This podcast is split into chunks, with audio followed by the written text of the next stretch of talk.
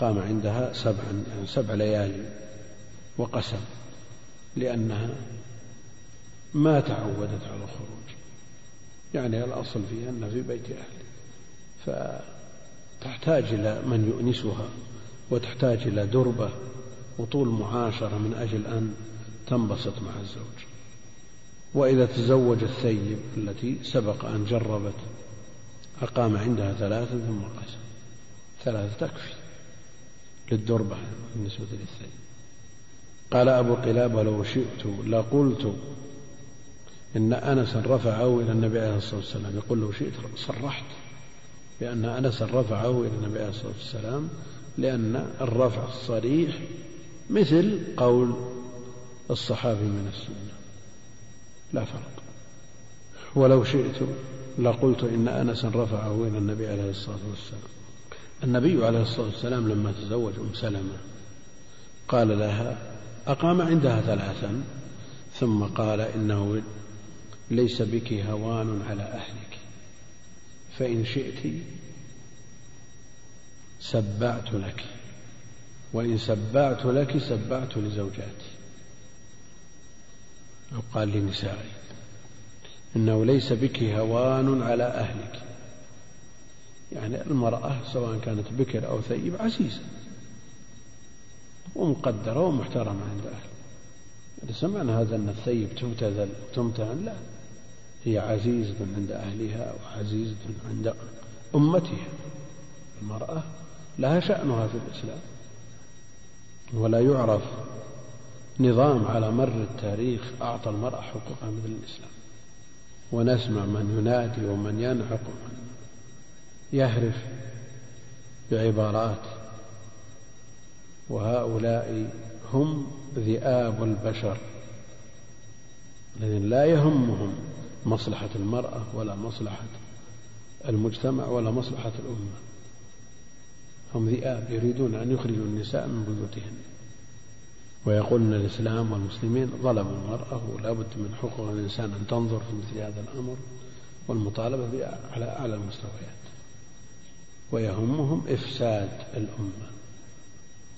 يعني من العجب أن يسموا المرأة التي تربي عشرة أولاد من أولادها على مختلف أسنانهم ومستوياتهم يسمونها عاطلة والتي تخرج من بيتها لتربي أولاد الناس في حضانة هذه يسمونها عاملة.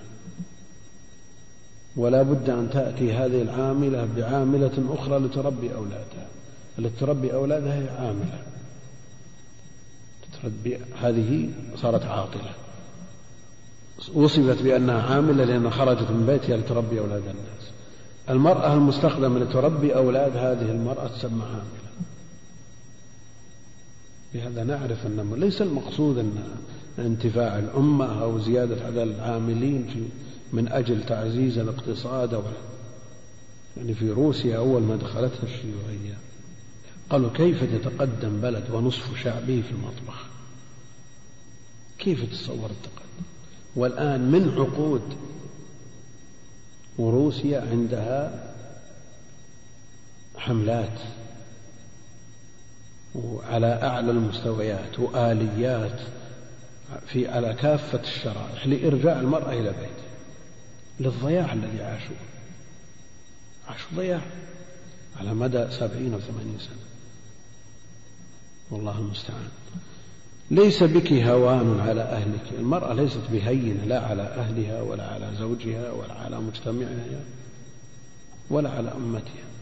إنما يقول مثل هذا الكلام من يريد أن يشبع رغبته ونهبته منها. ولا يهم أمة ولا ولا أم ولا أخت ولا أحد. لا يهمها أحد.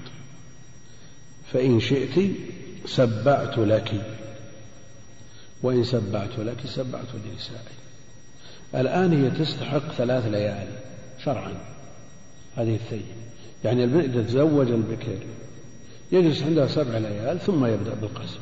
يدور على نسائه ولها ليلة من الليالي ليلة من أربع ليلة من ثلاث ليلة من ثنتين على حسب عدد النساء التي في عصمته. الثيب يجلس عندها ثلاث ليالي يقسم لها ثلاث ليالي ثم تدور القسم من جديد. تصير واحدة أسوة النساء. لكن إن رضي إن رغبت في أن تعطى سبع مثل البكر مثل هذا يسلك بعض الناس وبعض النساء يعني ملاحظة مراعاة لشعوره يعني امرأة جلست سبع ليال تتشبه بالأبكار يلاحظ شعورها وأهلها وهو أيضا قد يلاحظ شعوره وهو ليك تاخذ ثيب والناس يلقون وأنت ما تلقى. المجتمع فيه ضغوط. نعم. فيه ضغوط. أحيانا تكون بارزة وأحيانا تكون خفية. في مثل هذا لو سبع لها هي تستحق في الأصل كم؟ ثلاث. هل يقسم لنسائه على أربع؟ ليال ولا على سبع. هي في الأصل تستحق ثلاث. هو ما زادها إلا أربع ليال فهل يقسم لنسائه الباقيات على على أربع, أربع ليال وإلا يقسم سبع؟ نعم. لأنه مستحقة للثلاث من الأصل. فيقسم لنسائها القدر الزائد وبهذا قال جمع من أهل العلم. والقول الثاني أنه إن فرض لها سبعا يفرض لبقية نساء سبع. ويدل عليه الحديث المخرج في مسلم إن سبعت لك سبعت لنسائي يعني أعطيتك سبع ليال مثل البكر أعطي نسائي سبع. لأنك ثيبهن ثيبات مثلك. وظاهر النص يدل على أنه يقسم لهن سبعا مثلها. لا إن شئت إن شئت سبعت لك يعني جلست عندك سبعا. وإن شئت ثلثت ثم درت. في بعض الروايات. يعني جلست عندك ثلاثا ثم درت على نسائي نعم. وعن ابن عباس رضي الله عنهما قال قال رسول الله صلى الله عليه وسلم لو أن أحدهم إذا أراد أن يأتي أهله قال بسم الله اللهم جنبنا الشيطان وجنب الشيطان ما رزقتنا فإنه إن يقدر بينهما ولد في ذلك لم يضره الشيطان أبدا. يقول رحمه الله تعالى وعن ابن عباس رضي الله عنهما قال قال رسول الله صلى الله عليه وسلم لو أن أحدكم والخطاب يتجه إلى كل من كان عنده زوجة لو أن أحدكم إذا أراد أن يأتي أهله زوجته أراد أن يجامع زوجته قال بسم الله اللهم جنبنا الشيطان وجنب الشيطان ما رزقتنا فإن قدر بينهما ولد في ذلك يعني في ذلك الجماع الذي حصل هذا الذكر عليه لم يضره الشيطان أبدا. ونفي الضرر الأصل فيه العموم جميع أنواع الضرر لا في دينه ولا في دنياه. هذا الأصل. لكن مقتضاه أن يكون الولد معصوما يكون معصوم لأن أدنى مخالفة ضرر بسبب الشيطان. ولم يقل بهذا أحد من أهل العلم. منهم من قال أنه يحصل الضرر ولا يترتب أثر بمعنى أنه قد تحصل المخالفة ثم يوفق للتوبة منها فكأن الضرر لم يحصل لأنه لم يترتب عليه أثر. ومنهم من قال المراد بالضرر ما يحصل له عند الولادة ما يحصل له عند الولادة وكل مولود يحصل له ذلك. إلا ما كان من عيسى عليه السلام. وعلى كل حال الضرر بالنسبة لوقوع المعصية التي هي بسبب الشيطان هذا لا يسلم منه أحد إلا المعصوم. المعصوم لكن مثل هذه الأذكار التي جاء الشرع بالترغيب فيها لا شك أنها تخفف. يعني إذا كان قطعها بالكلية غير وارد. وغير متصور لا شك أن مثل هذا يخف. فالولد الذي ذكر عليه هذا الذكر لا شك أنه أقرب إلى الخير وأبعد عن الشر من الولد الذي لا يذكر عليه اسم الله جل وعلا. لم يضره الشيطان أبدا من أجل بركة هذه التسمية بل قال بعضهم إنه يكون من جملة عباد الله. الذين قال الله فيهم إن عبادي ليس لك عليهم سلطان. إن عبادي ليس لك عليهم سلطان إلا من اتبعك. إن عبادي ليس لك عليهم سلطان. فهل معنى هذا أن هؤلاء العباد الذين ليس لهم سلطان معصومون من أن يقعوا في معاصي؟ بحيث يصرون على هذه الذنوب التي يمليها الشيطان عليه وإلا فقد يغفلون. وقد تغلبهم النفس أحيانا فيقعون فيما يقعون فيه. قال مجاهد إن الذي يجامع ولا يسمي إن الذي يجامع ولا يسمي يلتف الشيطان على إحليله فيجامع معه. إن الذي يجامع ولا يسمي يلتف الشيطان على إحليله فيجامع معه. وهذا نظير من يأكل ولا يسمي يأكل الشيطان. من يدخل البيت ولا يسمي يبيت الشيطان. وهذا مثله فالتسمية مطلوبة فالتسمية مطلوبة والذكر مطلوب. على الإنسان أن يكون لهجا بذكر الله جل وعلا. واصبر نفسك مع الذين يدعون ربهم بالغداة والعشي. المقصود أن مثل هذا من لازم الأذكار حصل له خير الدنيا والآخرة. لا سيما الأذكار التي رتب عليها أجور أو حفظ أو ما أشبه ذلك من الأوراد التي يحفظ بها التي يحفظ الله جل وعلا بها الإنسان المسلم فليحرص عليها. ومن هذا الذي معنا؟ وهذا من الأذكار المتعبد به. لكن من لا يحسنه بالعربية؟ يقوله بلغته يقوله بلغته كما قال الإمام البخاري. نعم. وعن عقبة بن عامر رضي الله عنه أن رسول الله صلى الله عليه وسلم قال إياكم والدخول على النساء. فقال رجل من الأنصار يا رسول الله أفرأيت الحم قال الحم الموت.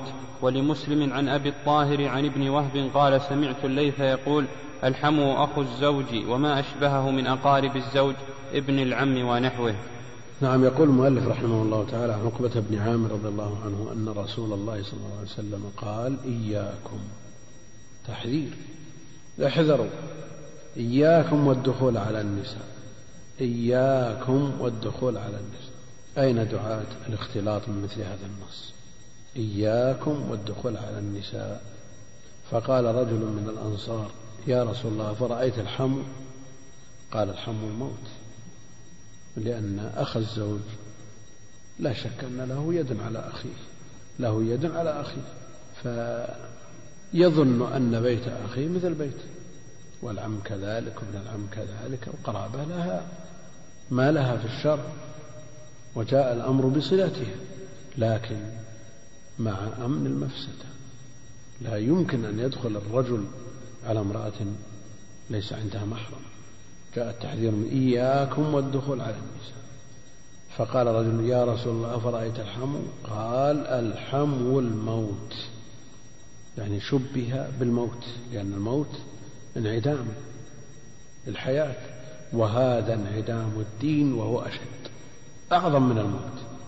هذا أعظم من الموت لأنه انعدام للدين نسأل الله السلامة والعافية. هفوة وجريمة ومنهم من يقول الحم الموت لأن دخوله يؤول إلى الموت. دخوله يؤول إلى الموت. هذه امرأة متزوجة فإذا دخل عليها الحم وقد يكون متزوجا أيضا ويكون الشيطان ثالثهما ويحصل ما يحصل ثم يؤول أمرهما إلى الموت الذي هو الرجم. نسأل الله السلامة والعافية. الحم الموت ولمسلم عن أبي الطاهر عن ابن وهب بن قال سمعت الليث يقول الحم أخو الزوج. الناس يتساهلون في مثل هذا. يعتبرون بيت الأخ مثل البيت. أخو الزوج وما أشبهه من أقارب الزوج بن العم ونحوه الذين هم ليسوا من محارم الزوجة. الذين هم ليسوا من محارم الزوجة. فلا يجوز لهم أن يدخلوا عليها بدون محرم لها بدون محرم لها. وما يؤدي إلى مثل هذا يجب منعه يجب منعه. قد يقول قال مثلا أخو الزوج إذا كان الزوج موجود الفتنة مأمونة لكن يوم مع يوم تدخل مشكلة هذه. ينكشف لك شيء في هذا اليوم تعرف سر من أسرارها تعرف شيء تضغط به عليها. ما مثل ما في شيء مثل حسم المادة. تعامل تعامل مع أخيك. والناس يتساهلون في مثل هذا لكن مثل هذا التساهل قد يجر إلى أمور لا تحمد. إذا احتيج إلى شيء من هذا مرض الزوج واحتاجت الزوجة تتكلم تكلم أخيه تهاتف أخاه من أجل أن يذهب به إلى مستشفى أو يستدعي طبيب أو أمور يعني ضرورية. أو كان الزوج غائب فكلمت أخاه ليحضر لها بعض الضروريات بالصوت المعتاد من غير خضوع بالقول للحاجة. هذه أمور تقدر بقدرها. أما أن تجعل الزوجة مجرد بس ما تستتر تجزع هذه أمور لا تحمد عقبها لأنه قد يعرف من الأمور والشيطان في هذا الباب عنده دقة في الملاحظة وعنده دقة في المسالك ويجري من ابن آدم مجرى الدم. ينكشف منها شيء من غير قصد فتقع في قلبه فيهلك. فلا شيء أنفع من حسم المادة وقطع دابر كل شيء يوصل إلى الرضيع ولو من بعد. فليحتاط الإنسان لنفسه ولأهله. نعم. قال رحمه الله تعالى باب الصداق. عن أنس بن مالك رضي الله عنه أن رسول الله صلى الله عليه وسلم أعتق صفية وجعل عتقها صداقها. باب الصداق. الصداق ما يدفعه الخاطب أو الزوج لزوجته مقابل النكاح مقابل. وسمي صداقا لأنه برهان ودليل على صدق الرغبة عند الخاطب. لأن الذي يدفع الأموال الذي يدفع المال صادق في الرغبة عنده رغبة.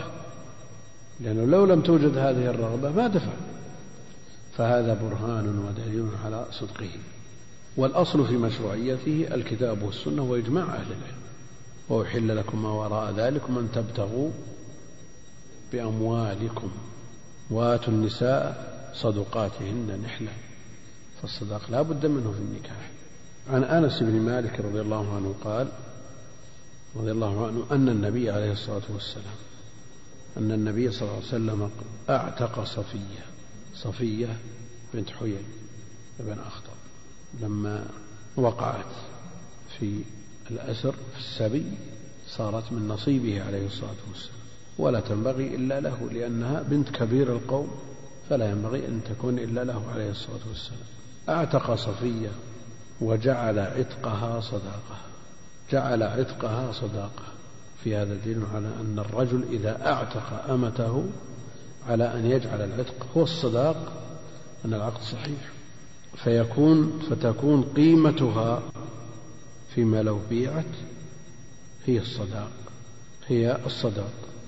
وهذا ما يدل عليه حديث الباب وبه يقول الإمام أحمد والشافعي وإسحاق وفقهاء الحديث. لكن من أهل العلم من يقول أن الصداق لا بد أن يكون معلوما وقيمتها ليست معلومة ولا متفق عليها. قيمتها ليست معلومة. والأمر الثاني أنها إن نكحها قبل العتق يعني إن تزوجها قبل أن تعتق نعم فلا يجوز نكاح الحر الأمة إلا إذا لم يجد قول الحرة وإن وقع نكاحها نكاحه لها بعد عتقها فهي حرة تقبل أو لا تقبل. الإشكال واضح ولا مو واضح؟ ولذا قال بعضهم لا يجوز أن يكون العتق والصداق. يعني الحديث في الصحيحين ليس لأحد كلام لكن هم من من من حيث النظر يقولون إن كان النكاح حصل قبل العتق فلا يجوز نعم. فلا يجوز. لماذا؟ لأن الحر لا يجوز له أن يتزوج الأمة إلا إذا لم يجد طول الحرة.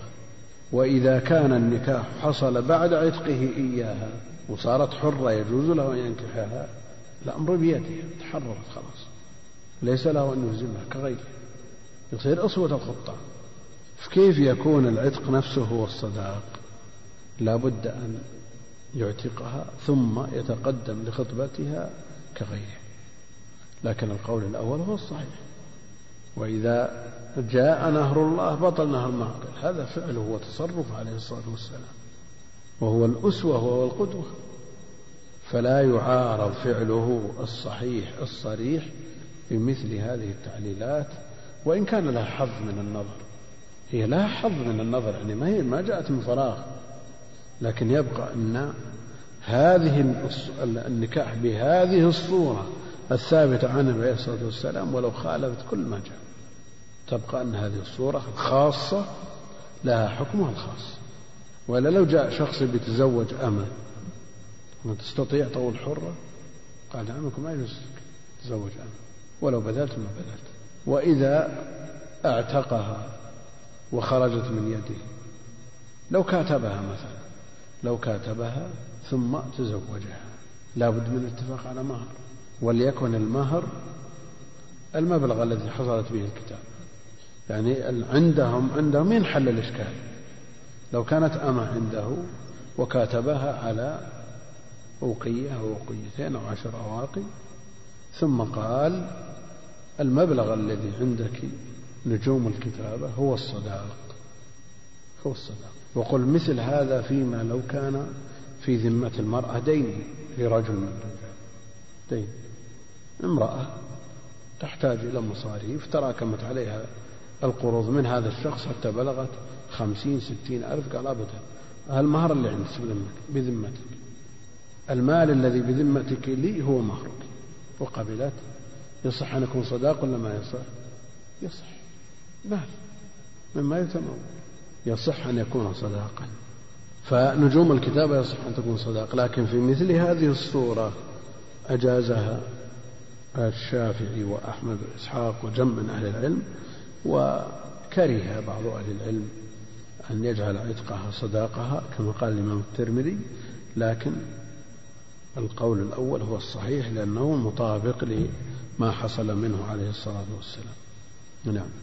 وعن سهل بن سعد الساعدي رضي الله عنه أن رسول الله صلى الله عليه وسلم جاءته امرأة فقالت إني وهبت نفسي لك. فقامت طويلا فقال رجل يا رسول الله زوجنيها. زوجنيها إن لم يكن لك بها حاجة. فقال هل عندك من شيء تصدقها؟ فقال ما عندي إلا إزاري هذا. فقال رسول الله صلى الله عليه وسلم إزارك إن أعطيتها جلست ولا إزار لك. فالتمس شيئا. قال ما أجد. قال التمس ولو خاتما من حديد. فالتمس فلم يجد شيئا. فقال رسول الله صلى الله عليه وسلم زوجتكها بما معك من القرآن. هل معك شيء من القرآن؟ فقال رسول الله صلى الله عليه وسلم هل معك شيء من القرآن؟ قال نعم. فقال رسول الله صلى الله عليه وسلم زوجتك أشار إليه. شو يقول؟ قل في هامش الأصل زيادة. هل معك شيء من القرآن؟ قال نعم. فقال رسول الله صلى الله عليه وسلم زيادة لا بد منها وهذا أمر لا بد منه. هل معك شيء من القرآن؟ قال نعم. فقال رسول الله صلى الله عليه وسلم زوجتك بما معك من القرآن. هذا الحديث عن سهل بن سعد الساعدي رضي الله تعالى عنه أن رسول الله صلى الله عليه وسلم جاءته امرأة. جاءته امرأة. هذه واهبة. وهبت نفسها للنبي عليه الصلاة والسلام وهي غير المرأة التي أشير إليها في القرآن وامرأة مؤمنة إن وهبت نفسها للنبي إن أراد النبي أن يستنكحها خالصة لك من دون المؤمنين. هذه غير المرأة التي في الحديث. هذه المرأة جاءت تهب النساء للنبي عليه الصلاة والسلام. سبق في حديث ابن مسعود أن الولي يعرض امرأته على رجل صالح وهذه المرأة عرضت نفسها على النبي عليه الصلاة والسلام. بحثا عن مصلحتها. بحثا عن مصلحتها. فالعرض على الصالحين سواء من قبل الأولياء أو من قبل النساء هذا له أصل في الدين ومشروعيته ثابتة في السنة الصحيحة. وقوله خالصة لك من دون المؤمنين يراد به النكاح بمجرد الهبة من دون صداق. هذا الخاص بالنبي عليه الصلاة والسلام. لكن إن عرضت امرأة نفسها على رجل صالح وقبلها بالصداق بالطريقة المعروفة ما في ما يمنع. أبدا بل تحمد على هذا. لكن الإشكال أن القلوب ليست سليمة يعني لو سلمت القلوب فجاءت امرأة وعرضت على نفسها على رجل آه، تتوقع فيه الصلاح ويغلب على ظنها أنه من أهل الصلاح والخير فقابل ومشت الأمور. هذا هذا هو الأصل. لكن هل يحصل مثل هذا في كثير من الأحوال؟ لو جاءت امرأة تخطب رجل أو جاء شخص يخطب ويهدي ابنته على رجل يتوقع فيه الخير والصلاح ما الذي سوف ينقدح في ذهن هذا الرجل؟ ينقدح في ذهن شيء غير ما يخطر على البال. وقد صرح به بعضهم يقول لو كانت سليمة ما فيها عيوب ما أهديت وهذا سببه مرض القلوب والدخل الذي دخل هذه القلوب. وإلا فالأصل الناس على ظواهرهم أهدى إليك من صنع إليكم معروف فكافئ ولذا من رغب في شخص وخشي من هذه الحساسيات وهذه التصورات يدفع وسيط يدفع وسيط يقول لو ذهبت إلى فلان وقلت له أن عند فلان بنت وأثنيت عليها ومدحتها بدلا من أن يكون الأمر مباشر لأن القلوب الغش موجود والنصح يكاد يكون مفقود. الآن لو ذهبت إلى محل قلت كم هذه السلعة؟ كم هذه السلعة؟ قال لك بمئة ريال. قلت خلاص هذه مئة ريال اشتريت. لأول لأول مفاوضة. ما قلت لا ثمانين تسعين لا لا. على طول دفعت. وش ينقدح بذهنه؟ قال أكيد إني مغبون ما يشتري بهذه السرعة إلا أنها تسوى أكثر. لا لا لا دعها 120 150 وقل مثل هذا في العكس. العكس. لو قال بمئة ريال قلت له بخمسين قال نصيبك. قلت لا لا لا اصبر. كما تجيب له عشرة. لماذا؟ لأن النصح عز عند الناس. ووجد قضايا تجعل لهذا لهذه التصرفات أصل. ولا أين نحن من حديث جرير بن عبد الله البجلي بايعنا رسول الله صلى الله عليه وسلم. لأن قال والنصح لكل مسلم. واشترى فرسا. فقال لصاحبه بكم الفرس؟ قال بثلاثمائة. قال اشتريت لكن فرسك يسوى أكثر. يستحق أكثر. وأربعمائة. قال بعت قال اشتريت لكن الفرس يستحق أكثر. فما زال يقاوله حتى وصل إلى الثمانمائة. يوجد مثل هذا في أسواق المسلمين بل لو وجد يمكن أن يوصف بمسكة من عقل شو بيقال عن هذا؟ مغفل المسكين الصحابة بايعوا النبي على النصح لكل مسلم. وليس هذا خاصا به النصح مطلوب الدين النصيحة. لكن مع الأسف أنه وجد تصرفات من جميع الأطراف تجعل مثل هذه الحساسيات لها أصل. تجد السلعة في محل بمئة. تذهب إلى محل آخر يقول لك بألف. لماذا؟ يقول لو أقول لك بمئة ما اشتريت. ما تشتري. تقول أكيد هذه السلعة تقليد ما أصلية. ويوجد هذا في السلع التي للنساء بهن علاقة. ومن الرجال من يشبه النساء في هذا الباب. قماش المتر بعشر بعشر يباع في بعض المحلات ويقول صاحب المحل بمئتين يناقش في هذا يقول والله أخي لو أقول لو أقول بعشرة ما, ما راح يصير ردي. ونفس القماش. يصير ردي. هذه التصرفات الإشكال لا بد لها من حل جذري. وليس هذا بمبرر بأن نرفع القيمة أبدا. خليه يجلس يا أخي. وكونك تكسب مكسب مقبول يقوم بحاجتك ويفي ببعض ما بعض أتعابك على هذه السلعة هذا هو الأصل ويبارك لك فيه.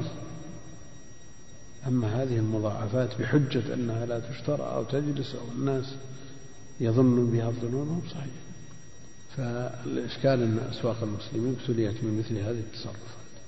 ومن يرتاد الأسواق لكافة السلع يندر أن يجد رجل ناصح يعطيه النصيحة على وجهها ويصدق معه.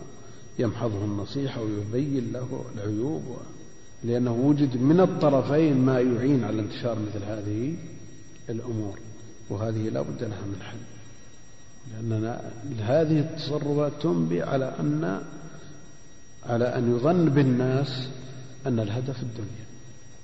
ولو كان الهدف الآخرة ما حصلت مثل هذه الأمور. ولو تصورنا الحديث الصحيح فإن صدقا وبينا بورك لهما في بيعهم وإن كتما كذبا وكتما محقت بركة بيعهما وكم من إنسان يجني الأموال الطائلة بسبب مثل هذه التصرفات لكنها لا تنفعه بل قد يحتاجها إلى أن يعالج بها نفسه. يصرف على نفسه العلاج إيش استفاد مثل هذا لكن لو صدق وبين وهذه السلعة والله قيمتها كذا وواحد يحكي قصة واقعة. يقول أنا جالس في محل شخص يبيع قماش فدخلت امرأة فقال كم؟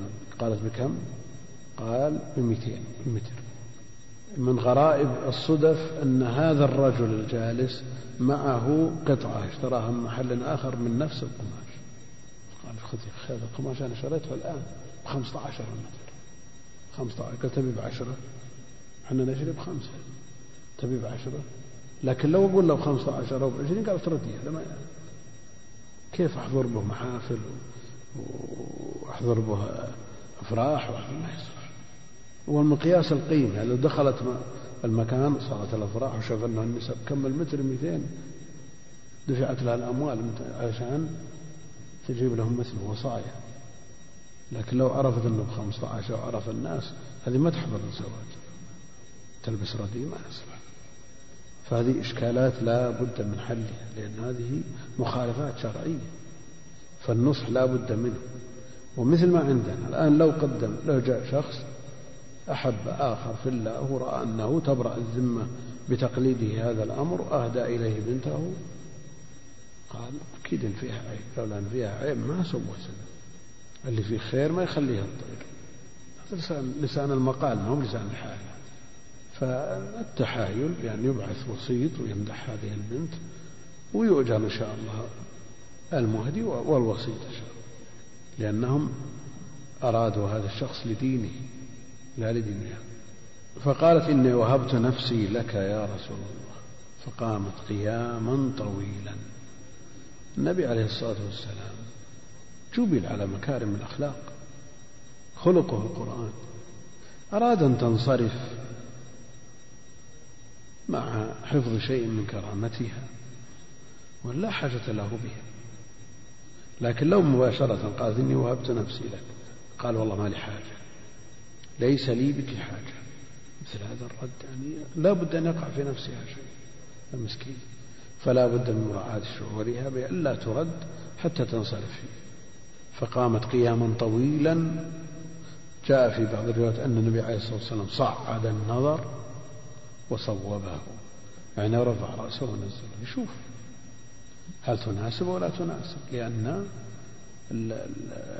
من مقاصد النكاح؟ ما يدعو إلى النكاح. أما لو إنسان إذا أهدي له أي شيء يبي يقبله بعد يمكن يتضرر الطرفان. صعد النظر وصوبه. وترجم عليه الإمام البخاري باب النظر إلى المخطوبة. وأورد قصة عائشة وأنها عرضت على النبي عليه الصلاة والسلام في المنام في سرقة من حرير فكشف عن وجهها. المقصود أن مسألة النظر إلى المخطوب معروف جاءت به النصوص بل جاء الأمر به. اذهب فانظر إليها فإنه أحرى أحرى أن يؤذن بينكم.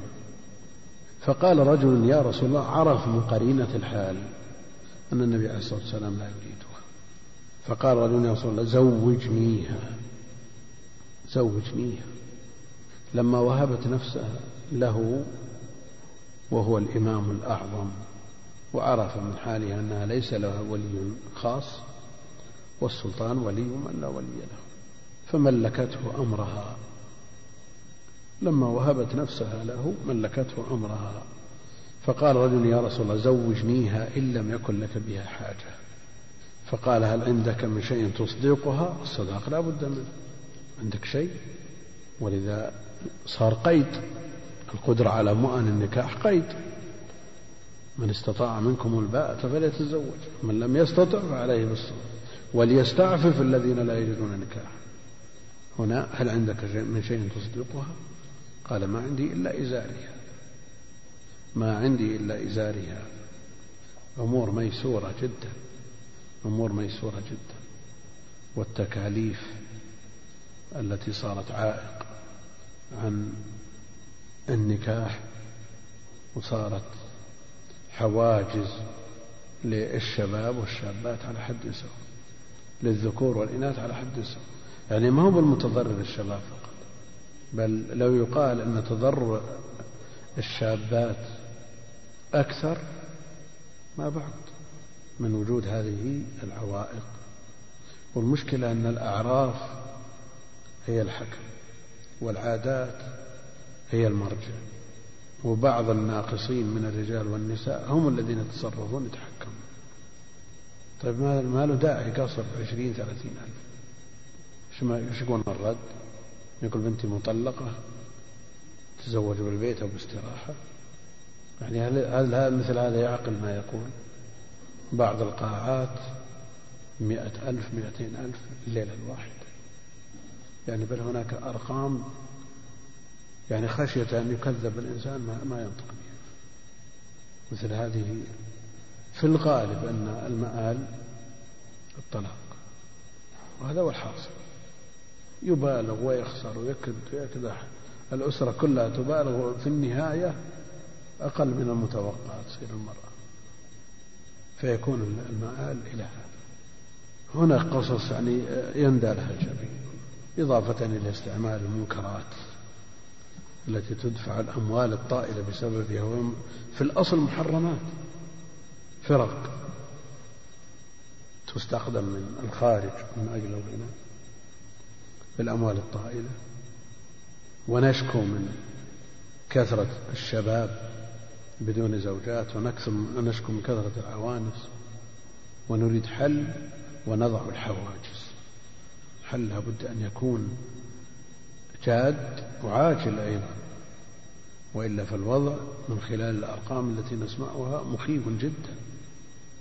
يعني تضع حواجز وعراقيل وهنا هي جامعية والخاطب ما عنده إلا ثانوي. كيف كيف تتم الحياة بين هذين؟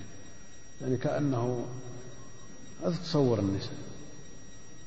كيف يتم التفاهم بين امرأة جامعية مع شاب ما؟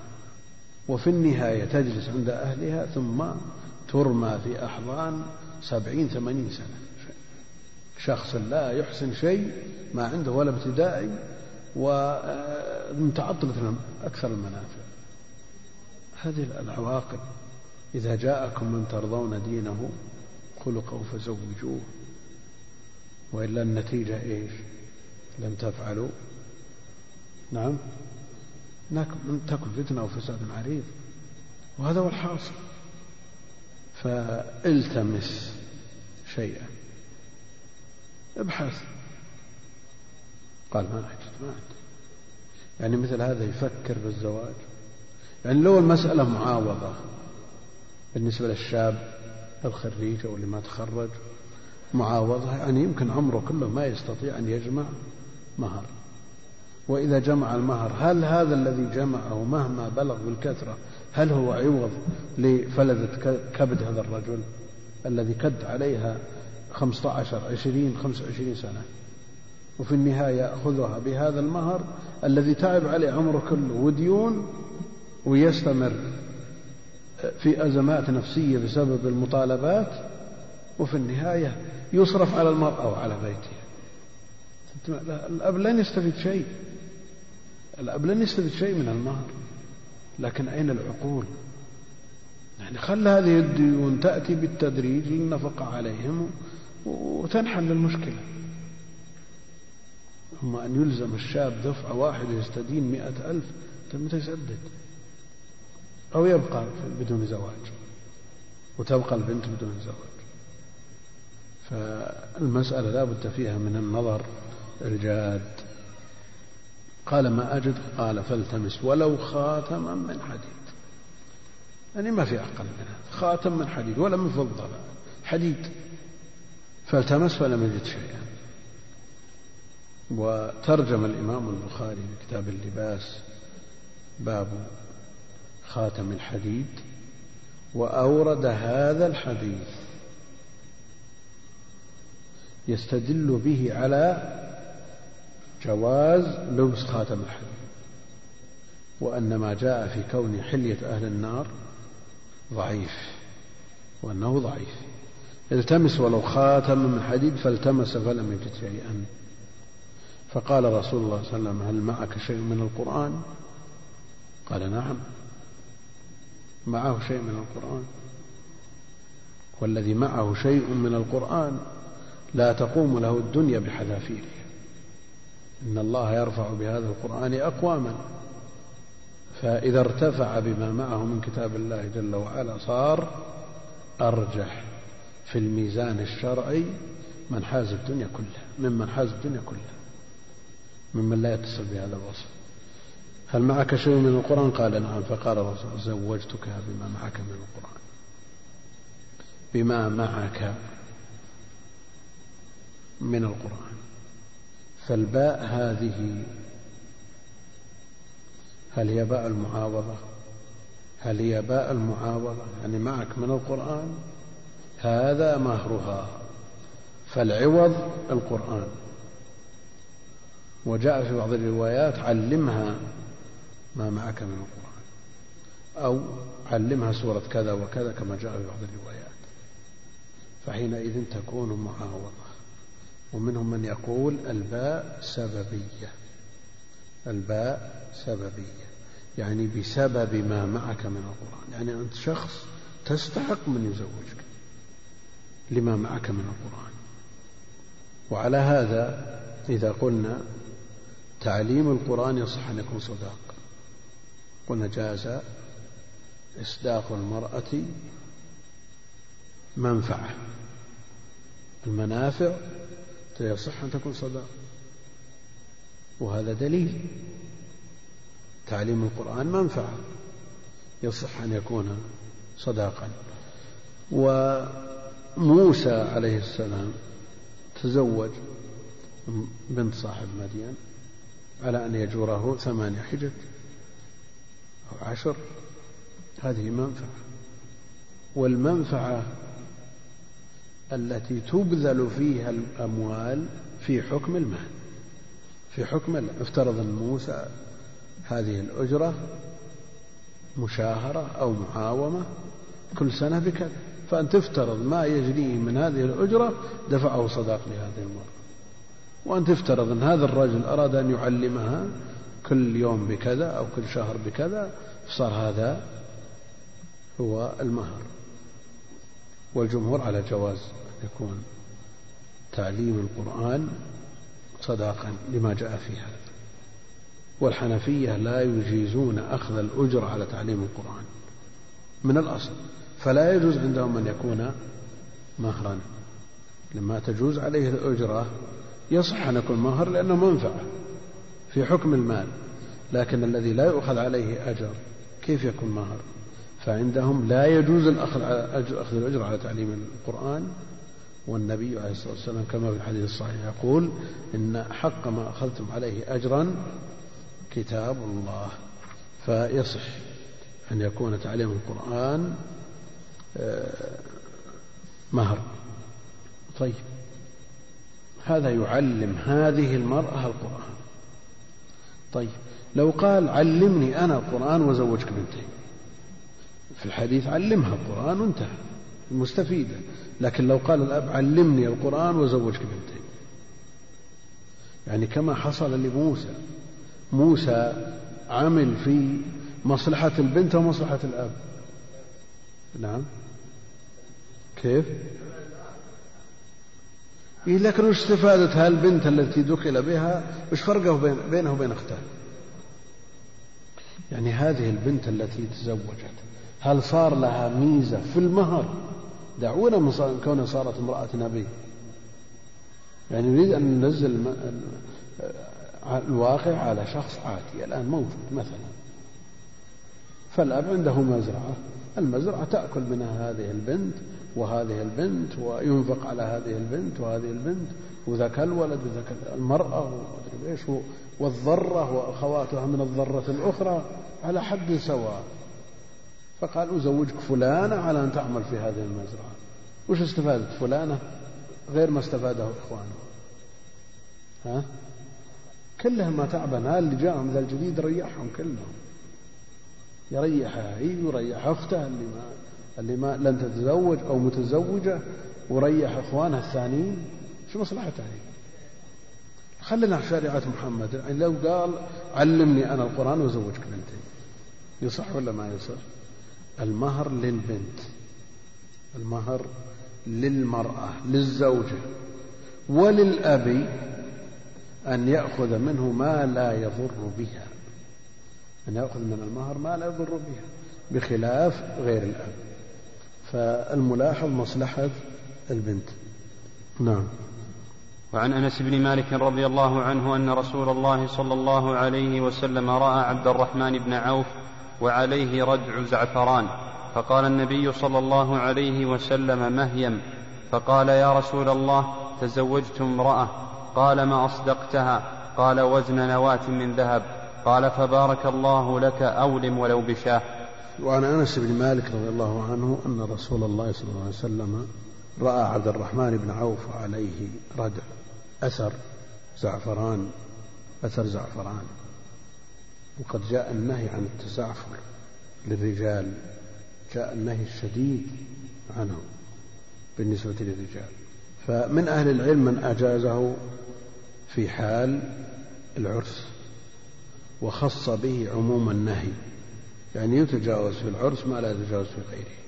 ومنهم من قال أن أثر الزعفران هذا ليس مقصودا يعني هو ما زعفر نفسه وإنما علق به من مخالطة هذه المرأة.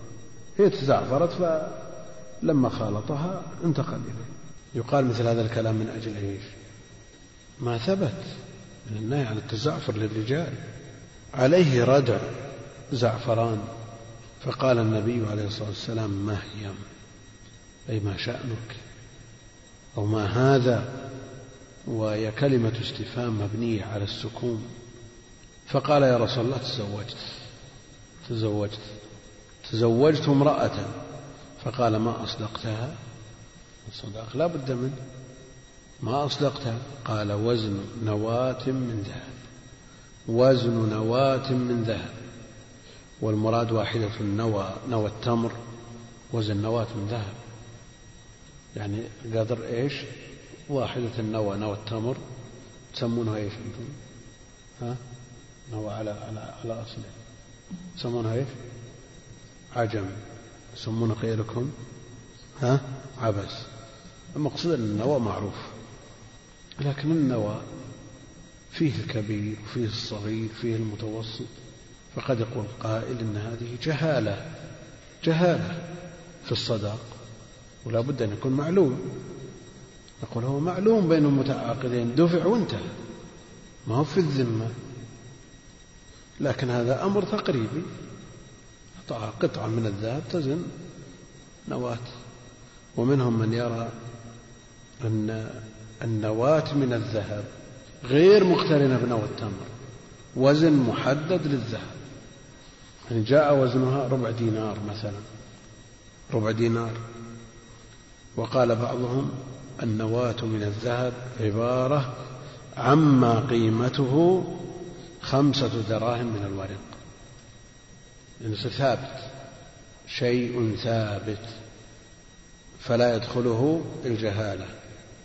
فقال صلى الله عليه وسلم بارك الله لك. فقوله ما أصدقتها دليل على أن الصداق لا بد منه. فقال النبي عليه الصلاة والسلام بارك الله لك. فيه دعاء للمتزوج بهذا وهو مشروع.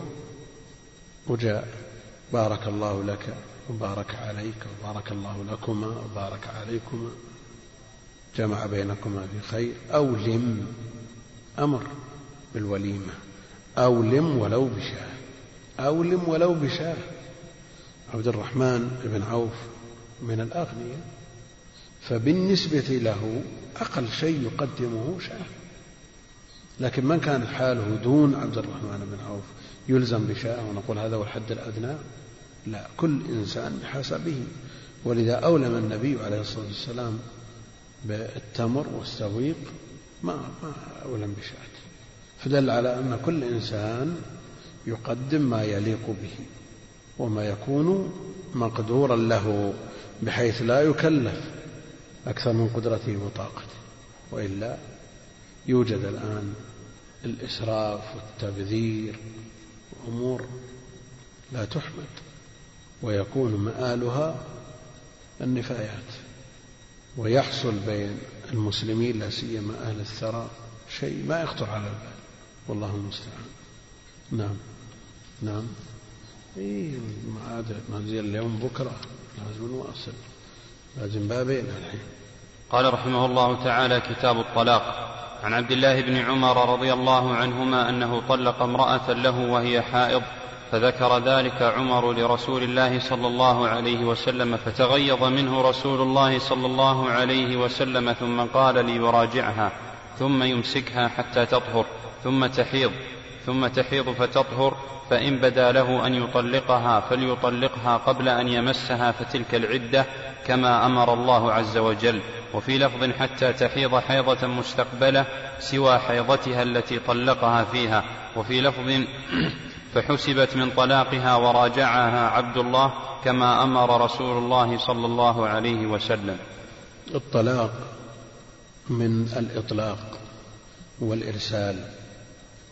وحل القيد يعني إذا كانت الدابة موثقة فإطلاقها حل قيدها والمرأة موثقة في حبال الزوج موثقة في حبال الزوجية وهي عوان عند الزوج عانية عنده كما جاء في الحديث الصحيح كأنها مأسورة لكن مأسورة لمصلحته هو فقط أو لمصلحة الطرفين.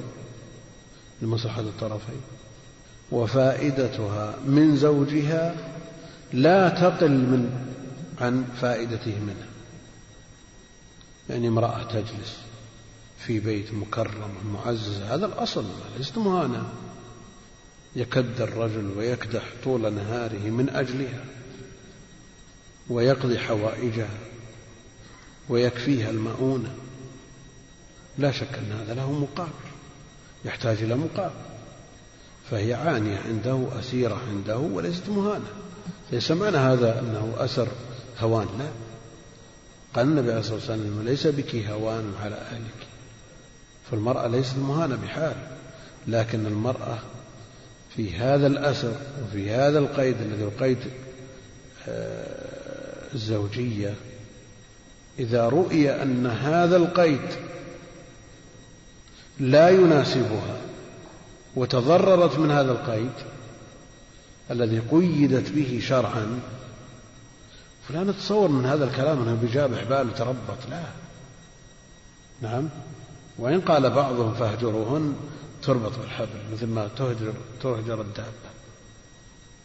بالهجار هو لا لا هذا قول ضعيف جدا. لكن يبقى أن هذا القيد معنوي.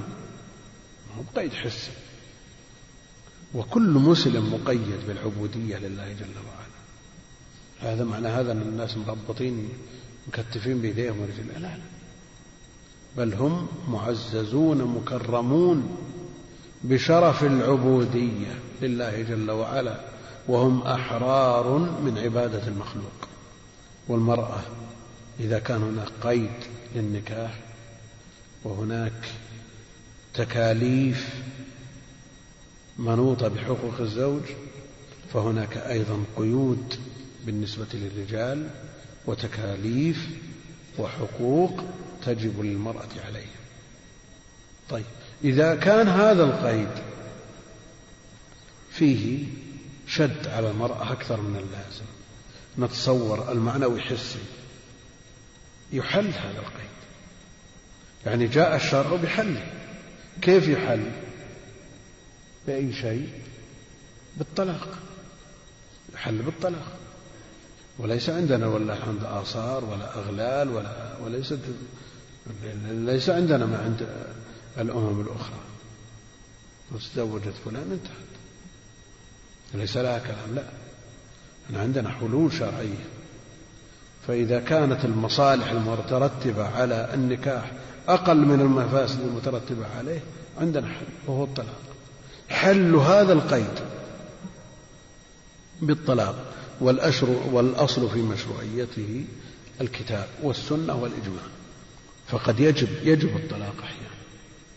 إذا تضررت المرأة وجب على الزوج أن يطلق. ومن غير حاجة لا يجوز للمرأة أن تسأل الطلاق لا يجوز لها أن تسأل إذا وجدت الحاجة لكن من غير ضرر سجال يعني قد ترتفع الحاجة فيقال بالجواز قد تنزل الحاجة وتكون حاجة يعني لا لا أثر لها في الواقع فيكره حينئذ. لأن الأصل في الشرع الحث على الاجتماع والالتئام والانسجام واستمرار هذه المودة وهذه الرحمة هذا الأصل. لكن إذا كان البقاء على هذا الأصل فيه ضرر على أحد الطرفين جعل الله جل وعلا الفرج بالطلاق. فإن كان المتضرر الزوج نعم يعني آه، بقاؤه في هذه مع هذه المرأة ليس من مصلحته له أن يطلق. وإذا كانت المتضررة المرأة وبقاؤها مع هذا الزوج ليس من مصلحتها لها أن تخالف لكن بسببه. عن عبد الله بن عمر رضي الله عنهما أنه طلق امرأته وهو حائض. طلق امرأته وهو حائض. وجاء في حديث له أن أباه أمره بالطلاق فذكر ذلك للنبي عليه الصلاة والسلام في قصة أخرى فقال له أطع أباك أطع أباك. فهل للأب أن يجبر ابنه على طلاق امرأته؟ وهل له أن يجبره على الزواج من فلانة أو علانة ليس له ذلك. وليس على الابن أن يطيع لأن الطاعة بالمعروف. الطاعة بالمعروف. نعم إذا كان الأب من الخبرة والمعرفة والدربة بخفايا الأمور وبواطنها مثل ما عند عمر بن الخطاب والابن قد يخفى عليه بعض الشيء يتجه طاعة الأب. أما إذا كانت الأمور عادية والأب أراد أن يطلق الابن ابنته والابن تعلق بهذه المرأة وليس عليها ما يلاحظ الطاعة بالمعروف. كما أنه ليس له أن يجبره على أكل معين أو شرب معين. نعم الطاعة بالمعروف. لكن الأصل البر. لكن والإلزام بالمعروف. طلق امرأته وهو حائض. يعني حال الحيض وطلاق الحائض لا يجوز بدعة بدعة. ولذا أمره النبي عليه الصلاة والسلام أولا تغيظ النبي عليه الصلاة والسلام. ذكر ذلك عمر لرسول الله صلى الله عليه وسلم فتغيظ منه. تغيظ لأنه أوقعه على غير الوجه الشرعي. طلاق بدعي. ليس عليه أمر النبي عليه الصلاة والسلام.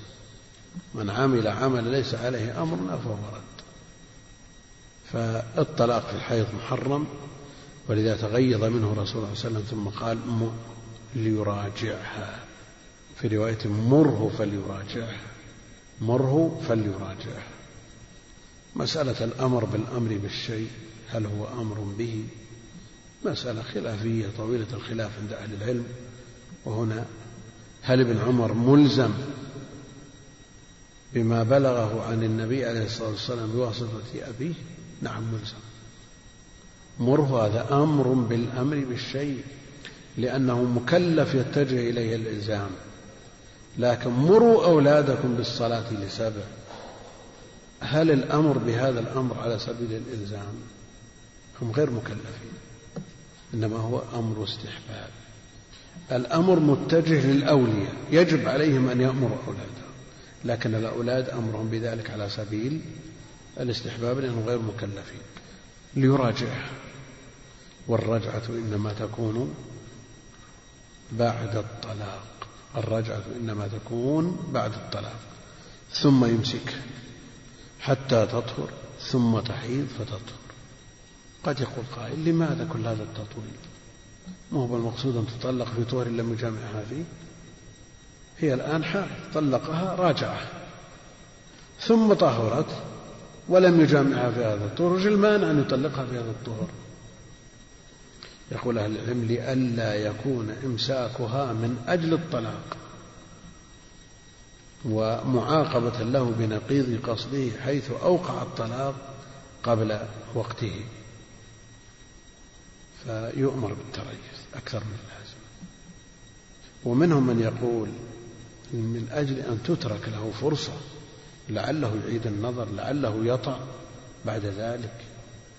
ثم قال مر فليراجعها ثم يمسكها حتى تطهر ثم تحيض فتطهر. يعني تطويل المدة هنا. ليس القصد منه الإضرار بالزوجة إنما القصد منه عله أن يطأ عله أن يرغب عن ما أقدم عليه. كتب بعض العلقون على الكتب ويجرؤون على تحقيق الكتب من غير أهلية. فقال كان هذا الأمر لما كانت العدة قبل الطلاق في عدة قبل الطلاق فهي تعتد الآن بحيث إذا طلقها في الطهر الثالث خلاص تصير انتهت العدة. الله المستعان. فإن بدا له أن يطلقها فليطلقها قبل أن يمسها ليكون طلاقها سنيا في طهر لم يجامعها فيه. فتلك العدة كما أمر الله عز وجل. يا أيها النبي إذا طلقتم, إذا طلقتم النساء فطلقوهن لعدتهن. فتلك العدة كما أمر الله عز وجل. وعن فاطمة وعن فاطمة بنت قيس أن أبا عمرو بن حفص طلقها البتة وهو غائب وفي رواية طلقها ثلاثا فأرسل إليها وكيله بشعير فسخطته. فقال والله ما لك علينا من شيء. فجاءت رسول الله صلى الله عليه وسلم فذكرت ذلك له. فقال ليس لك عليه نفقة وفي لفظ ولا سكنى. فأمرها أن تعتد في بيت أم شريك ثم قالت تلك امرأة يغشاها أصحابي. اعتدي عند ابن أم مكتوم فإنه رجل أعمى تضعين ثيابك فإذا حللت فآذنيني. قالت فلما حللت ذكرت له أن معاوية, أن معاوية بن أبي سفيان وأبا جهم خطباني. فقال رسول الله صلى الله عليه وسلم أما أبو جهم فلا يضع العصا فلا يضع عصاه عن عاتقه. وأما معاوية فصعلوك لا مال له انكحي أسامة بن زيد. فكرهته ثم قال انكحي أسامة بن زيد فنكح فنكحته فجعل الله فيه خيرا واغتبطت به. الله يقول المؤلف رحمه الله تعالى عن فاطمة بنت قيس قرشية فهرية رضي الله عنها أن أبا عمرو أن أبا عمرو ابن حفص طلقها البتة وهو غائب. في رواية طلقها ثلاثا وطلاق الثلاث طلاق ليس عليه أمر الله ورسوله فهو مبتدع. ولذا يقول أهل العلم ثلاثا يعني تكمل الثلاث. يعني طلقها ثلاث مرات. ليست في لفظ واحد كما يوحي بذلك النص. البتة التكملة. يعني بت طلاقها بإيقاع الثالثة المبينة. وفي رواية طلقها ثلاثا فأرسل إليها وكيله بشعير.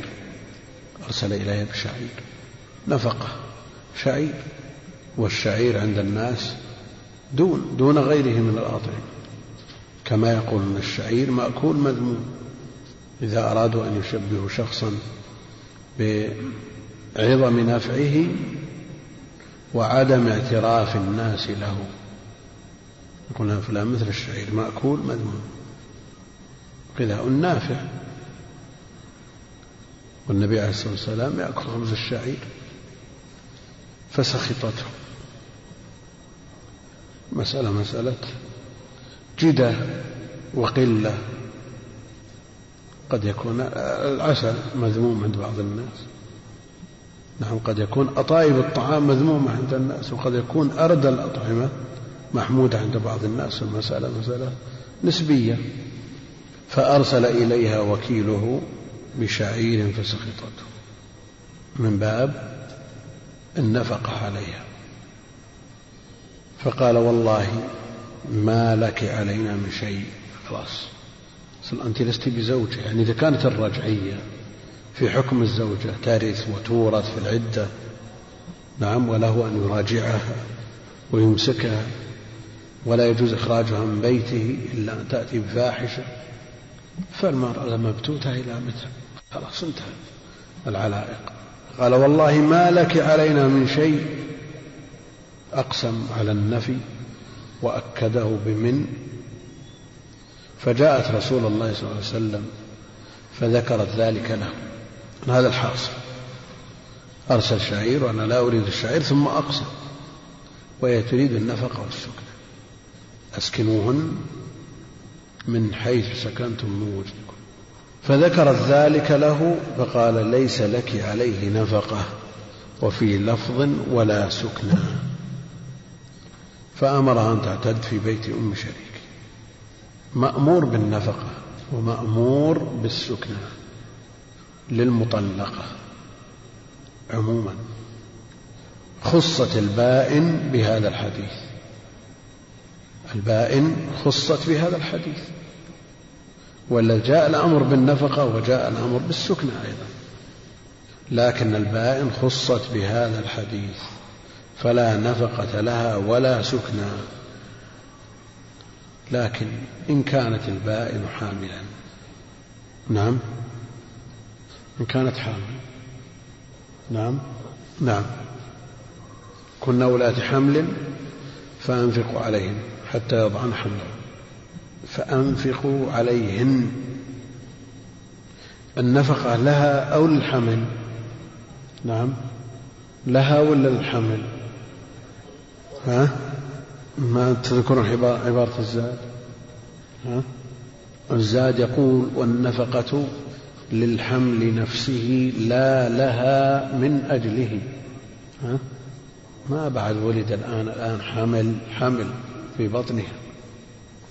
يقول النفقة للحمل نفسه لا لها من أجله. كيف؟ الحمل نفسه شيء بجاب الحمل إذا كان ليس لها. العبارة سهلة وواضحة ولا صعبة؟ الأفهم من ظاهر العبارة أنه يجاب يؤتى بآلات تغذي الحمل في جوفها ولا لها علاقة. لأنه شو يقول؟ والنفقة للحمل نفسه لا لها من أجله. لا, لا لها. وش لها؟ سبحان الله يقول لا لها من أجله. يعني ليست النفقة لها من أجل الحمل لا والنفقة للحمل نفسه لا لها من أجله. نعم. نعم. على كل حال ذكروا فوائد مرتبة على هذه العبارة ولا بد من مراجعة. تراجعوها لأن الحديث طويل وعندنا باب العدة إن أمدانا عليه. لكن باب العدة أربعة أحاديث وفي لفظ ولا سكنى فأمرها أن تعتد في بيت أم شريك. أم شريك هذه امرأة من القواعد. لا حاجة لها بالرجال. ثم قال تلك امرأة يغشاها أصحابي وهي امرأة صالحة. وليست لها حاجة بالرجال. وليس في هذا مستمسك لمن يقول بأن الرجل يدخل على المرأة والمرأة تدخل على الرجال أبدا. إذا وجد امرأة في مواصفاتها لا يلتفت إليها الرجال وهي امرأة صالحة ولا ولم يحصل خلوة بذلك الأمر فيه سعة امرأة يغشاها أصحابي. اعتد عند لأن إذا كان يغشاها الرجال وهذه محد معتدة. شو لما كان الأمر يخشى من الفتنة؟ يعني مع أمن الفتنة لهذه العجوز كبيرة السن أم شريك يغشاها أصحابي. لكن لما وجد مجال للفتنة وصارت المرأة هذه المطلقة مثار فتنة لا يجوز أن تبقى في هذا البيت. لأن هذا البيت يغشاه الرجال. نعم. لكن بعض المفتونين يبي يأخذ هذه امرأة يغشاها الرجال ولا ولا ينظر إلى المسألة التي من أجلها سيق هذا الكلام. وأن المرأة المطلقة لا يجوز أن تبقى في بيت يغشاه الرجال. طيب اعتدي عند ابن أم مكتوم. فإنه رجل أعمى تضعين ثيابك فإذا حللت فآذني. رجل أعمى لا يرى. أولا مسألة وضع الثوب في غير البيت. وضع المرأة ثوبها في غير بيتها جاء الوعيد عليه. جاء الوعيد عليه لكن هذا مقرون بالفتنة وإلا قد تضطر المرأة أن تضع في غير بيتها قد يكون ضرورة. في بيت أخيها واحتلمت وين تضع ثيابها. يقول يلزمك أن تذهب إلى بيتك فتضعين ثيابك. نعم. أو كانت مسافرة. مسألة يعني تقدر بقدرها والوعيد إنما جاء ليحد من تساهل بعض الناس. أما إذا قامت الضرورة إلى وضع الثياب مع أمن الفتنة فلا بأس. جاءت الأدلة بهذا. تضعين ثيابك فإذا حللت فآذني طيب هو رجل أعمى. لكن هي تبصر. وغض البصر كما هو مطلوب من الرجال هو مطلوب من النساء. لا يجوز للرجل أن ينظر إلى امرأة أو إلى نساء. بحال كما أنه لا يجوز للمرأة أن تحدد في الرجال أو رجل بعينه لأن أمر النساء مثل أمر الرجال بنص القرآن. قل للمؤمنين يغضوا من أبصارهم وقل للمؤمنات يغضن من أبصارهن على حد السواء هذا الرجل الأعمى في مثل هذا الظرف امرأة مطلقة وليس لها من تأوي إليه من أقارب ومعارف عينه هذا لا يجوز لأنها مأمورة بغض البصر وهذه المشكلة الآن بإمكانها أن تنظر إلى الرجال في بيتها في مخدعها من خلال هذه الوسائل. لكن لا يجوز لها أن تنظر إلى وجوه الرجال وتحدد فيهم. نعم تنظر الرجال هم منصرفون ذاهبون آتون ولا تحدد في رجل بعينه لأنها مأمورة بغض البصر. ولو كان في آلة. لأن النظر قد يقول قائل أنها إذا كان على الطبيعة يمكن يحصل بينهم شيء لكن آلة وش بتسوي؟ إذا إذا انقدح في ذهنها ووقع في قلبها النظر إلى الرجال أو إلى رجل بعينه مشكلة هذه. تتحرك لديها الرغبة تتحرك الشهوة تسعى فيما بعد هذه أمور خطيرة جدا. قالت فلما حللت ذكرت له أن معاوية فإذا حللت فآذنيني يعني فأعلميني. فأعلميني قالت فلما حللت ذكرت له أن معاوية بن أبي سفيان الصحابي الجليل كاتب الوحي الذي تولى الخلافة بعد علي بن أبي طالب رضي الله عنه جميعا وأبا جهم الخطباني. أبا جهم هو صاحب الأنبجانية وليس هو أبو جهيم راوي حديث التيمم. خطباني فقال الرسول صلى الله عليه وسلم أما أبو جهم؟ هذه نصيحة. أما أبو جهم فلا يضع عصاه عن عاتقه. فلا يضع عصاه عن عاتقه. وهذه كناية إما عن كثرة الأسفار أن صاحب أسفار كثيرة والغالب أن المسافر يضع العصا على عاتقه لما قد يعترضه في سفره يتقي به ما يعترض أو لأنه كما جاء في بعض الروايات ضراب للنساء فمثل هذا ما ينصح به. بل يحذر منه والمجال مجال نصيحة أما أبو جهم فلا يضع عصاه عن عاتقه باستمرار العصا العاتق أو نقول مبالغة. لأنه يضع العصا إذا أراد أن ينام إذا أراد أن يصلي إذا أراد أن يأكل. وبمثل هذه المبالغة بل بهذه المبالغة جاء النص والمبالغة لا شك أن فيها ما يخالف يخالف الواقع. حده يعني داخل في حد الكذب. لكن مثل هذه المبالغة التي جاء بها الشرع لا تدخل في حد الكذب الممنوع. وقل مثل هذا في المناظرات. يعني إذا ترجحت المصلحة على الكذب جانبية مغمورة في بحار المصلحة المناظرات مثلا. شخص واحد يعقد مناظرة بين طرفين. وصادق ولا كاذب يعني حصلت هذه المناظرة؟ ما حصلت. يعقد مناظرة بين العلوم. قال علم التفسير قال علم الحديث. هذا ما حصل.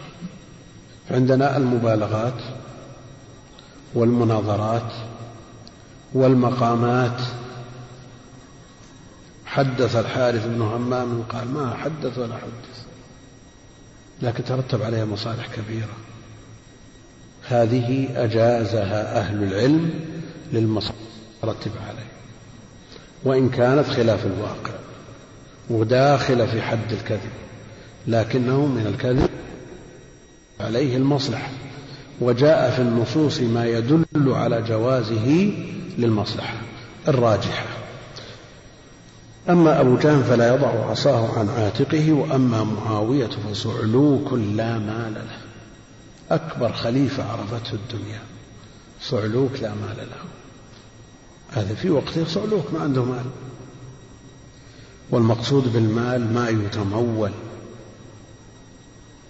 وتشترى به البضائع والأموال وإلا عندهم ما يسمى مال. عنده ثوب. أقل الأحوال الثوب اللي عليه مال. لكن المراد من ذلك القدر الزائد على هذا. والمال مطلوب في النكاح. شخص لا يملك شيء يريد مأمور بالاستعفاف وهذه نصيحة من النبي عليه الصلاة والسلام لهذه المرأة. لا مال له. انكحي أسامة بن زيد. حب النبي عليه الصلاة والسلام وابن حبه. انكحي أسامة بن زيد فكره. مولى كرهته. والكفاءة في النسب غير مطلوبة في النكاح بدليل هذا الحديث. انكحي أسامة بن زيد معروف أنه مولى ابن مولى. وهذه قرشية. فيجوز نكاح القرشية للمولى. والكفاءة إنما هي في الدين. ولذا ترجم الإمام البخاري رحمه الله تعالى باب الأكفاء في الدين. باب الأكفاء في الدين. وأورد فيه حديث إيش؟ نعم ضباعة بنت الزبير.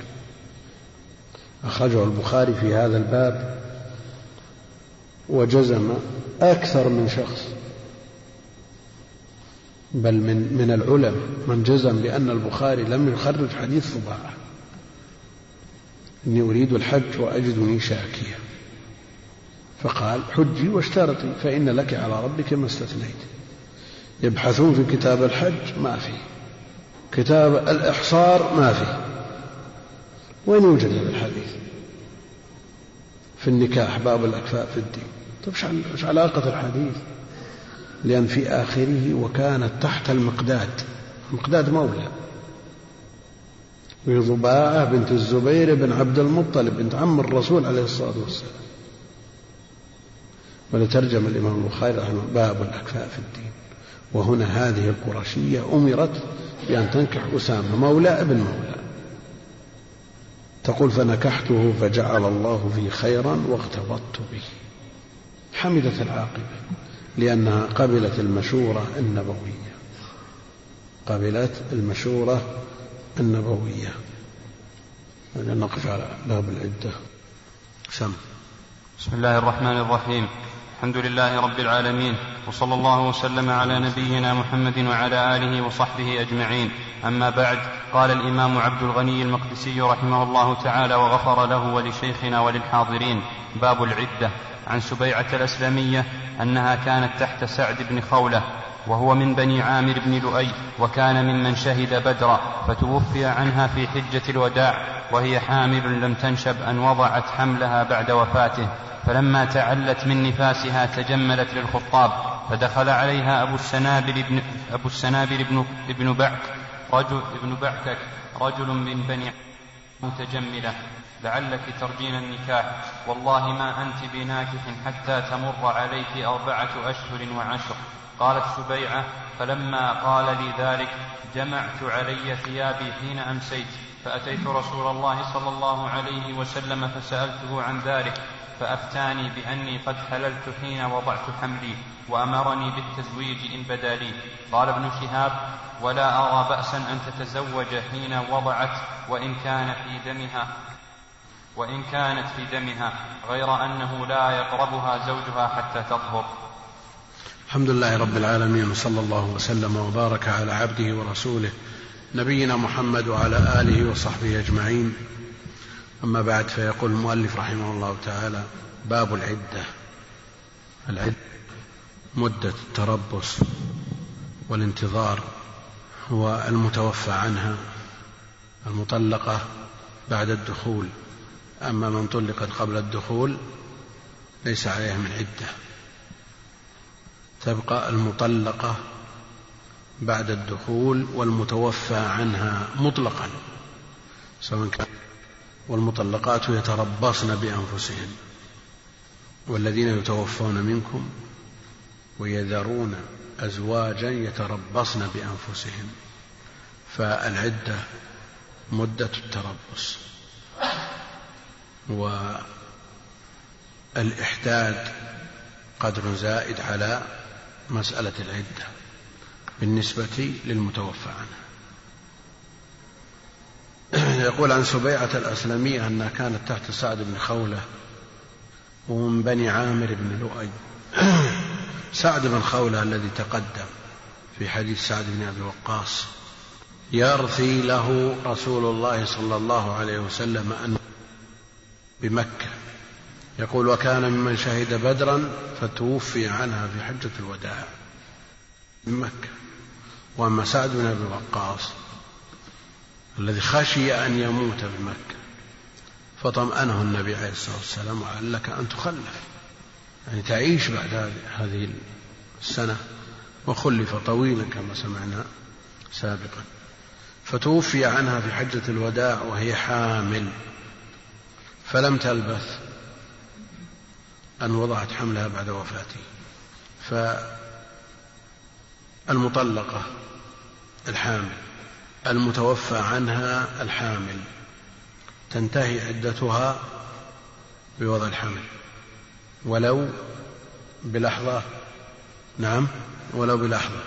طيب هذه انتهت عدتها. يلزمها إحداد ولا ما يلزمها إحداد؟ يعني هل الإحداد واجب مستقل أو تابع للعدة. نعم. يعني يلزمها إحداد ولا خرجت من العدة. ها؟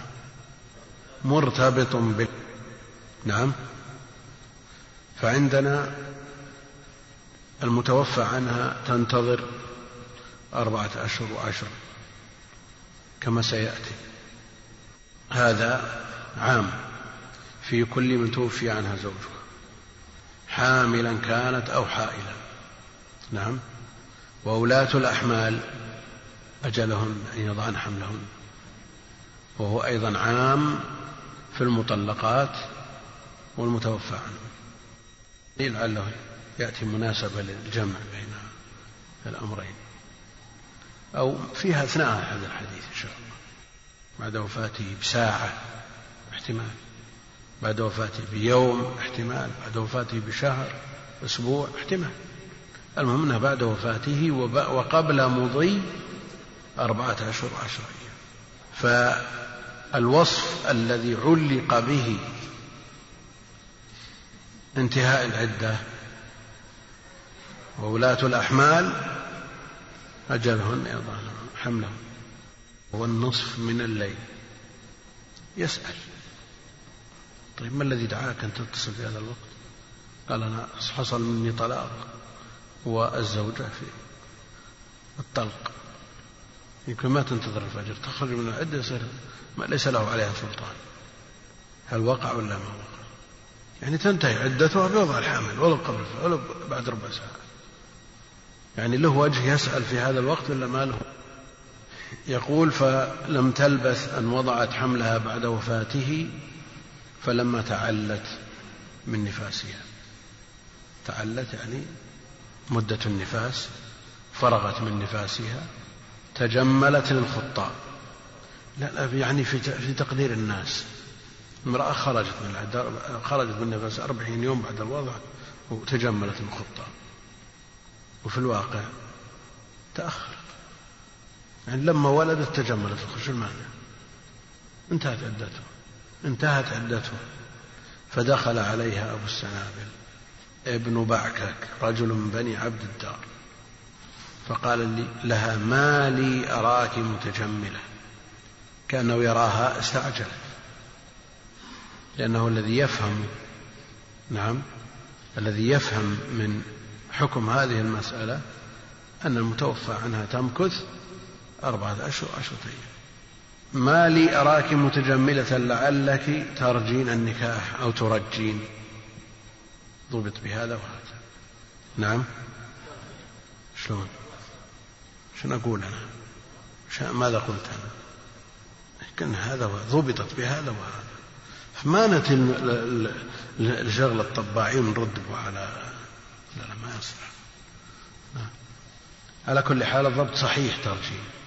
لعلك ترجين النكاح والله ما أنت بناكح. أقسم. حتى يمر عليك أربعة أشهر أشهر وعشر يلزم كفارة ولا ما يلزم كفارة؟ نعم. لماذا؟ والله ما أنت بناكح. يعني بناء على غلبة ظنه. والذي يحلف على غلبة ظنه لا يلزم كفارة. أحكام مبنية على غلبة الظن كالذي أقسم الذي وطئ في نهاية رمضان قال والله ما بين لابتيها عنده مسح شامل لبيوت المدينة ما أنه ما يوجد أفقر منه لكن يغلب على ظنه أنه لا يوجد أفقر منه. يعني أنت لو تدخل على أسرة تجد ما لا عندهم فرش ولا مكيفات ولا ثلاجة ولا كذا ولا كذا أنه ما في جدة أفقر منها نعم. لكن يمكن في بيت ثاني ما عندهم ثلاجة ولا فرش ولا مكيف ولا شيء وعليهم ديون تشريك أيهما أفقر أنت حلفت على غلبة ظنك ما يلزمك شيء. ولذا الذي وطئ في نهار رمضان قال والله ما بين لابتيها أهل بيت أفقر منه. ما من دليل. والله ما أنت بناك حتى تمر عليك أربعة أشهر, أشهر وعشر. والذين يتوفون منكم ويذرون أزواجا يتربصن بأنفسهن أربعة أشهر وعشرا هذه عدة المتوفى عنها. هذا الأصل فيها. والمراد بذلك غير الحامل. وأما بالنسبة للحامل فعدتها وولاة الأحمال أجلهن يضعن وإن كان عاما في المطلقة والمتوفى عنها إلا أن حديث الباب نعم حديث الباب يدخل المتوفى عنها دخولا منصوصا عليه في العموم. قالت سبيعة فلما قال لي ذلك جمعت علي ثيابي حين أمسيت. نعم إذا وجد إشكال لابد من السؤال. لابد من السؤال. ما قالت هذا صحابي ودليله من القرآن؟ تسأل. لعل في المسألة ما يعارض الدليل ما لم يطلع عليه. فلما ولى فلما فلما قال لي ذلك جمعت علي ثيابي حين أمسيت. حين أمسيت. ما راحت في النهار. لماذا؟ لأن المساء أستر للنساء. المساء أستر للنساء من النهار. فأتيت رسول الله صلى الله عليه وسلم فسألته عن ذلك فأفتاني بأني قد حللت حين وضعت حملي. يعني فور وضع الحمل وقت وضع الحمل. وأمرني بالتزويج إن بدا لي. فمن يقرأ هذا الحديث من قائل يقول استعجلت. يمكن يوم واحد وأربعين تجملت الخطاب. استعجلت ومن قائل يقول تأخرت لأن لها أن تتجمل فور ولادتها.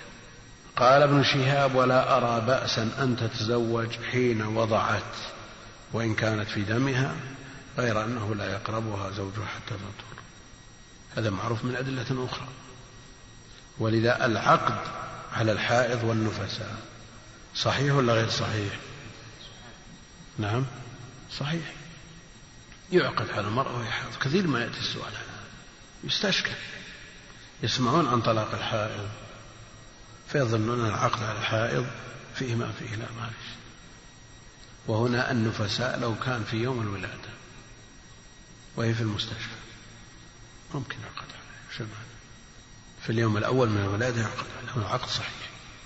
لأنها انتهت علائقها بالزوج الأول المتوفي قال ابن شهاب ولا أرى بأسا أن تتزوج حين وضعت وإن كانت في دمها.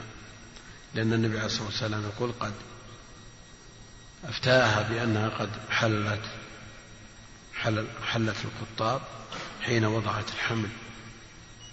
ووضع الحمل يكون بانفصال بانفصال ما تبين فيه خلق الإنسان. وأحكام الأم تتعلق بما فيه خلق الإنسان ولو كان خفيا. وأحكام الطفل من التغسيل والتكفين والصلاة عليه معلقة بإيش؟ بنفخ الروح بنفخ الروح. طيب هذه حملت فطلقت في الشهر الرابع. أو في الشهر الثالث. طلقت في الشهر الثالث من الحمل فعلى هذا يبقى على الولادة الطبيعية ستة أشهر. استعجلت. بعد شهرين تبين الخلق غلب على ظنها أنه تبين الخلق فأسقطته. تخرج من العدة ولا ما تخرج؟ أو يقال هذه تعامل بنقيض قصدها لأنها استعجلت؟ نعم. بفعلها بفعل استعجلت. نعم. ولو أسقطته هي ويصدق عليها أنها وضعت الحمل. يعني ما في أحكام يعامل فيها المكلف بنقيض قصده. استعجلت ومن تعجل شيئا قبل أوانه عوقب بحرمانه. قاعدة عند أهل العلم. تتجمل الخطاب في اليوم الذي أسقطت فيه الحمل ولا تنتظر؟ حتى تمضي العدة المعتادة معاملة لها بنقيض قصدها. ومعاقبة لها بالحرمان. والاعتداد والعدة وما يتبعها من إحداد. الزوج له نصيب. فكونها تسعى لإسقاط حق الغير ما تملك. ما تملك. فالذي يظهر لي الآن أنها تعامل بنقيض بنقيض قصدها وتعا إلى الحمل المعتاد. تجلس إلى الحمل المعتاد. على أن الإسقاط يجيزه أهل العلم قبل الأربعين بدواء مباح ولا بد أن يربط بالحاجة. الحاجة هو أمر الإسقاط والإجهاض. أمر يحتاج إلى مزيد عناية.